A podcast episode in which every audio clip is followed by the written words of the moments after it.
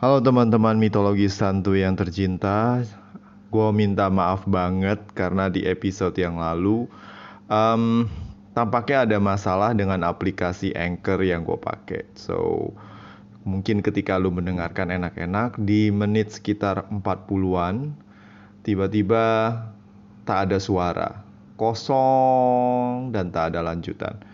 Entah kenapa, so gue putuskan untuk membuat episode um, tambahan dari bagian yang hilang tadi. So, um, gue minta maaf sebelumnya dan berikut ini gue bakal sampein bagian yang hilang tadi.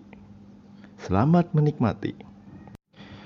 Oke, sampai di mana gue tadi sebelum aplikasi ini tiba-tiba error dan gue nggak bersuara sama sekali. Ampun deh. So, gue lagi ngebahas tentang House of Fun kalau nggak salah. Nah, House of Fun ini dinamakan House of Fun karena ditemukan satu patung Fun, yaitu makhluk mitologi yang wujudnya itu seperti peri hutan dan dia itu semacam grupisnya dewa Bacchus atau Dionysus. Nah, um, rumah Faun ini atau House of Faun ini merupakan bangunan paling besar di Pompei. Bangunan yang kamarnya ini sampai puluhan dan juga membuat um, uh, para arkeolog ini sangat-sangat senang karena ada dua penemuan penting di sini. Satu yaitu patung uh, perunggu dari Faun yang sekarang aslinya itu ada di Museum Arkeologi Naples. Lu kudu ke sana karena banyak banget uh, peninggalan-peninggalan bersejarah yang disimpan di museum ini. Dan yang paling khusus dari bangunan ini yang menurut gue paling keren di Museum Naples ini adalah bagian yang namanya Secreto Gambetto. Nah, Secreto Gambetto ini ada satu section, di, merupakan satu section yang ada di Museum Naples.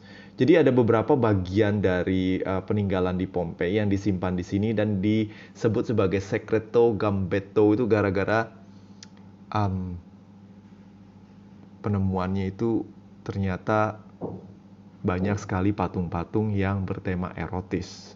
So pada waktu ekskavasi pertama, pada saat itu memang um, pemerintah uh, kota Napoli saat itu yang dipegang oleh orang Spanyol menganggap kalau ini benar-benar tidak ber, uh, tidak sesuai dengan moral. Jadi daripada bikin kehebohan, lalu ditaruh di kabin khusus yang namanya Secreto Gambetto, yang hanya orang-orang dengan izin tertentu yang bisa ngelihat. Jadi kalau orang-orang uh, awam nggak boleh ngelihat. So um, di situ ya waktu gua pergi sama bini gua, gua ngelihat uh, banyak peninggalan yang bertema dewasa. Contohnya kayak mosaik dengan uh, Pan ya dewa Pan yang berusaha menggoda seorang wanita yang ternyata ketika wanita tersebut membuka pakaiannya ada kelamin pria di selangkangannya. Dan juga beberapa patung serta mosaik yang bertema erotis dan berhubungan dengan uh, apa ya hubungan seksualitas antara pria dan wanita. Selain itu juga ada beberapa patung patung falus ya, lu cari sendiri tuh maksudnya apaan falus dan um, banyak sekali peninggalan yang keren-keren dan patung-patung yang benar-benar bikin lu mungkin bakalan betah kalau lu tipe orang yang kayak gua yang suka sejarah. Bini gue sendiri bingung kenapa gue betah banget di tempat-tempat seperti ini tapi memang uh, minat gue sejarah. So sebagai istri yang baik dia nurut aja ke mana aja. Bener-bener deh. Anyway um, selain uh, found tersebut salah satu yang paling membuat arkeolog para para arkeolog ini seneng ketika jalan-jalan dan menemukan uh, penemuan berharga di House of Fun ini adalah mosaik pertarungan di Alexander Agung melawan Raja Darius.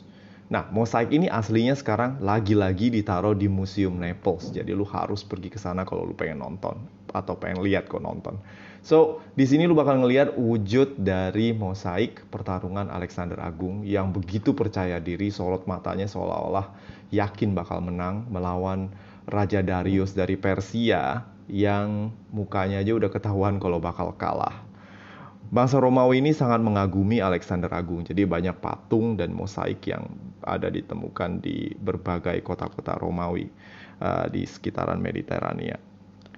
Nah, uh, beralih dari mosaik Alexander, kita pindah ke salah satu rumah dari uh, orang-orang Borju di Pompei, yaitu Vetiae bersaudara, atau rumahnya kita sebut dengan House of Vetiae.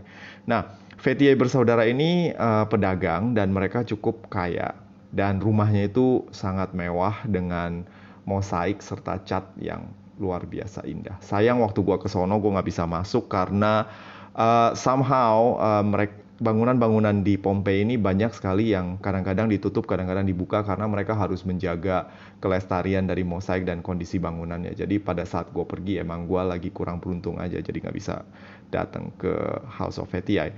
Tapi di luar, di bagian luar dekat pintu masuk, uh, ini ada satu lukisan yang sering sekali mengundang gelak tawa, terutama kalangan cewek. Kenapa? Karena di sini ada lukisan um, Priapus. Nah, gue nggak mau uh, kasih terlalu gambaran yang terlalu gamblang tentang Priapus. Jadi Priapus ini dewi, dewa kesuburan. Dia ini anak dari uh, dewa anggur Dionysus dan juga uh, dewi Venus atau Aphrodite. So mereka berdua having affair and then lahirlah Priapus yang yang terkenal karena ukuran kelamin prianya yang sangat besar. Now, um, karena dikenal sebagai dewa kesuburan, jadi um, patung atau lukisan Priapus ini sering sekali muncul di villa-villa Romawi. Dan Bang uh, Vetiai ini me membuat gambar ini ya untuk menggambarkan filosofi kesuksesan mereka. So, kalau lu pergi ke Pompei dan ke House of Vetiai, lu bakal melihat satu lukisan uh, Priapus yang menggunakan itunya menimbang um, se sekantong uang dan juga satu apa ya satu piring buah-buahan. Nah uh, ini bukan gambar ngeres sebenarnya, cuma ada filosofinya. Jadi Vetiai bersaudara ini mengatakan kalau kalau lu mau uh, mendapatkan kelimpahan, lu harus juga mendapatkan kesuburan dan uang. Kelimpahan itu adalah hasil dari kesuburan dan uang yang masing-masing direpresentasikan oleh uh, kantong uang dan buah-buahan tersebut. Gitu deh, jadi nggak selama-lamanya mesum. Karena gini loh, uh, masyarakat Romawi pada zaman dulu itu memiliki satu standar moral atau seksualitas yang berbeda dengan masyarakat modern sekarang. Kalau kayak kita sekarang kan mikir, oh dikit-dikit kalau ada aurat itu satu hal yang tabu atau sesuatu hal yang melanggar nilai moral. Mereka um, menganggap suatu uh, alat kelamin atau kalau digunakan sepantasnya atau dalam satu simbolitas tertentu itu tidak masalah. Jadi kalau misalnya lu ke Pompei, lu bisa ngelihat ada lukisan uh, falus di pinggir jalan atau lain karena mereka berfungsi bukan sebagai hal-hal yang tak senonoh tapi sebagai suatu uh, you know amulet atau tolak bala gitu. Jadi uh, sebagai pecinta sejarah, gua rasa uh, gua nggak bisa menjudge mereka secara moral karena apa ya uh, tiap masyarakat itu memiliki satu standar moral yang berbeda dari zaman dulu sampai sekarang dan pada saat itu uh, mereka fine fine aja dengan itu dan tentu saja satu pandangan sekarang tidak bisa dipaksakan ke pandangan orang-orang di masa lalu. Nah, ketika lu berjalan-jalan ke Pompei, ketika lu melihat ada patung atau mungkin ada satu um, lukisan falus dan lain-lain, cobalah pahami itu sebagai contoh graffiti atau maybe, maybe just you know lucu-lucuan aja ya. Jangan terlalu triggered. Kenapa gue bilang seperti ini? Karena um, gue sering sekali ngelihat bagaimana para um, orang yang komen ke blog gue dan lain-lain itu lucu. Jadi ini dikaitkan dengan hal-hal seperti dosa seksual dan lain-lain menurut gue mereka belum paham tentang soal seperti ini karena waktu itu standar moral pada saat itu sangat berbeda dengan sekarang. Gitu deh. Oke, okay.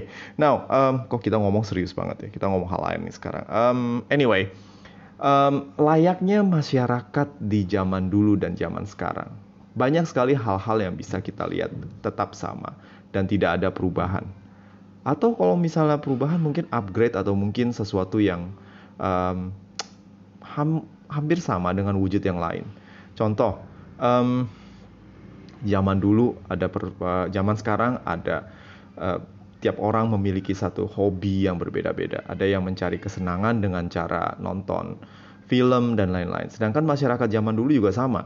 Ketika mereka butuh hiburan, mereka bisa nonton gladiator fighting atau mungkin chariot racing atau maybe, maybe mereka jalan-jalan dan menikmati hal-hal seperti um, you know mancing dan lain-lain. Tapi ada juga yang suka pelesiran dan di Pompei ini ada juga yang suka bermain uh, prostitusi. Jadi ada beberapa tempat di Pompei yang berfungsi sebagai tempat prostitusi. Salah satunya adalah Lupanare yang letaknya ada di pengkolan uh, gang dekat jalan Via Abodanza dan di sini ada tempat uh, di mana para prostitusi itu melayani para pelanggan dan tempat ini disebut sebagai brothel atau lupanare yang artinya sarang serigala. Dan di tempat ini uh, kalau misalnya lu masuk lu akan ngelihat mosaik-mosaik yang menggambarkan hubungan antara pria dan wanita. So temanya dewasa banget kontennya ya seperti itu deh. Nah kalau lu keluar dari Lupanare, lu berjalan, um, lu akan melihat tentang uh, perumahan-perumahan penduduk di Pompei yang saat itu uh, cukup um, berbeda dengan uh, perumahan-perumahan Romawi yang lain. Karena gue udah jelaskan di awal, kalau misalnya Pompei ini sebenarnya uh, kota yang bukan kota yang kaya, tapi kota yang menengah ke bawah. Dan kebanyakan dari rumah-rumah para penduduk yang kelas bawah itu benar-benar sederhana. Jadi cuma kayak semacam apartemen kecil dan kadang tidak punya jendela dan langsung menghadap ke depan. Dan uh, uniknya tempat-tempat ini kita bisa ngelihat bagaimana uh, masyarakat pada zaman itu hidup dan berinteraksi. Kalau lu lihat rumahnya memang segitu dan mereka nggak punya dapur dan kalau untuk WC untuk orang yang kaya mungkin mereka pergi ke WC umum seperti yang yang WC komunal kayak gitu. Kalau misalnya mereka enggak ya mungkin mereka cuma di pinggiran atau di pinggir jalan. Seperti itulah. Nah, um, Pompei ini luas, sampai sekarang juga baru diekskavasi sekitar 3 per 4. Jadi masih ada sisa seperempat yang masih belum terekskavasi. Dan uh, para arkeolog ini membagi wilayahnya menjadi 9 bagian. 9, um, kalau nggak salah region atau something. Dan sampai sekarang masih menunggu untuk diekskavasi. Jadi pada tahun 2015 ketika udah hampir sore, gue jalan uh, menyusuri perumahan ini sendirian dan gak ada orang karena memang uh, biasanya turis itu cuma pergi ke tempat-tempat yang um, jadi highlight seperti forum, bath atau mungkin stadium dan lain-lain. Jadi ketika gue pergi ke tempat ini dan gue jalan-jalan di daerah uh, perumahan, gue langsung jalan terus sampai ke kuburan. Iya, gue nyasar sampai ke daerah nekropolis atau uh, the city of the dead atau tempat-tempat orang-orang yang meninggal dikubur. So um, mungkin ini tempat yang kurang dikunjungi turis ya, kurang dikunjungi turis. Jadi gue pas lagi sampai sana gue sendirian dan gue berasa kayak wow, gue lagi di kuburan, men. Kalau ada tiba-tiba ada hantu pakai pakai toga nongol sih, wah epic nih. Gue nggak bisa bahasa Latin pula. nah, tak jauh da uh, dari nekropolis ini, lu bisa jalan sampai ke stadion. Dan di stadion ini uh, atau amphitheater ada, ada dua, jadi ada stadion dan ada juga um, amphitheater. Dan di sini tempat pertunjukan drama dan juga pertarungan gladiator. Nah, satu hal yang menarik dari pertarungan gladiator, um, kalau lu pernah nonton Spartacus atau uh, Gladiator, the movie yang by by the by siapa namanya uh, Russell Crowe, lu bakal sadar kalau misalnya uh, pertarungan hidup dan mati ini sangat digemari oleh orang Romawi zaman dulu. Begitu juga orang-orang Pompei. Dan kebanyakan petarung unggul itu datangnya dari wilayah Campania atau daerah Pompei di sini. Jadi um, kira-kira beberapa puluh tahun yang lalu para arkeolog tuh menemukan sesuatu yang menarik dekat dengan eh, stadion ini. Ada dua ya, ada dua kerangka uh, yang kemudian diidentifikasi sebagai satunya pria, pria berumur sekitar 40-an dan merupakan seorang gladiator ya. Mungkin mereka lihat dari kondisi tulang dan juga lukanya kali. Lalu dengan seorang wanita yang keturunan bangsawan karena membawa banyak perhiasan mewah bersama. Mereka tewas bersama dan dengan kondisi seperti seorang kekasih. Apa ini yang terjadi? As you know, you mesti tahu kalau misalnya gladiator ini sebenarnya adalah udah nggak jauh beda dengan budak. Dan di sini ada cewek bangsawan. Kalau ada cewek bangsawan dengan budak, apa artinya ini? Apakah mereka punya affair? I guess so. Maybe. But let's see about that later on. Okay? So, um, begitu deh. Jadi kalau lu mau jalan-jalan di sekitaran Pompei dan lain-lain, uh, setiap tahun akan ada suatu hal yang berbeda karena akan terus ada penambahan dan yang lu perlu ingat adalah jangan pernah lupa kalau ini adalah tempat bersejarah. Jadi jangan buang sampah sembarangan dan jangan tambah-tambahkan dengan graffiti dan lain-lain.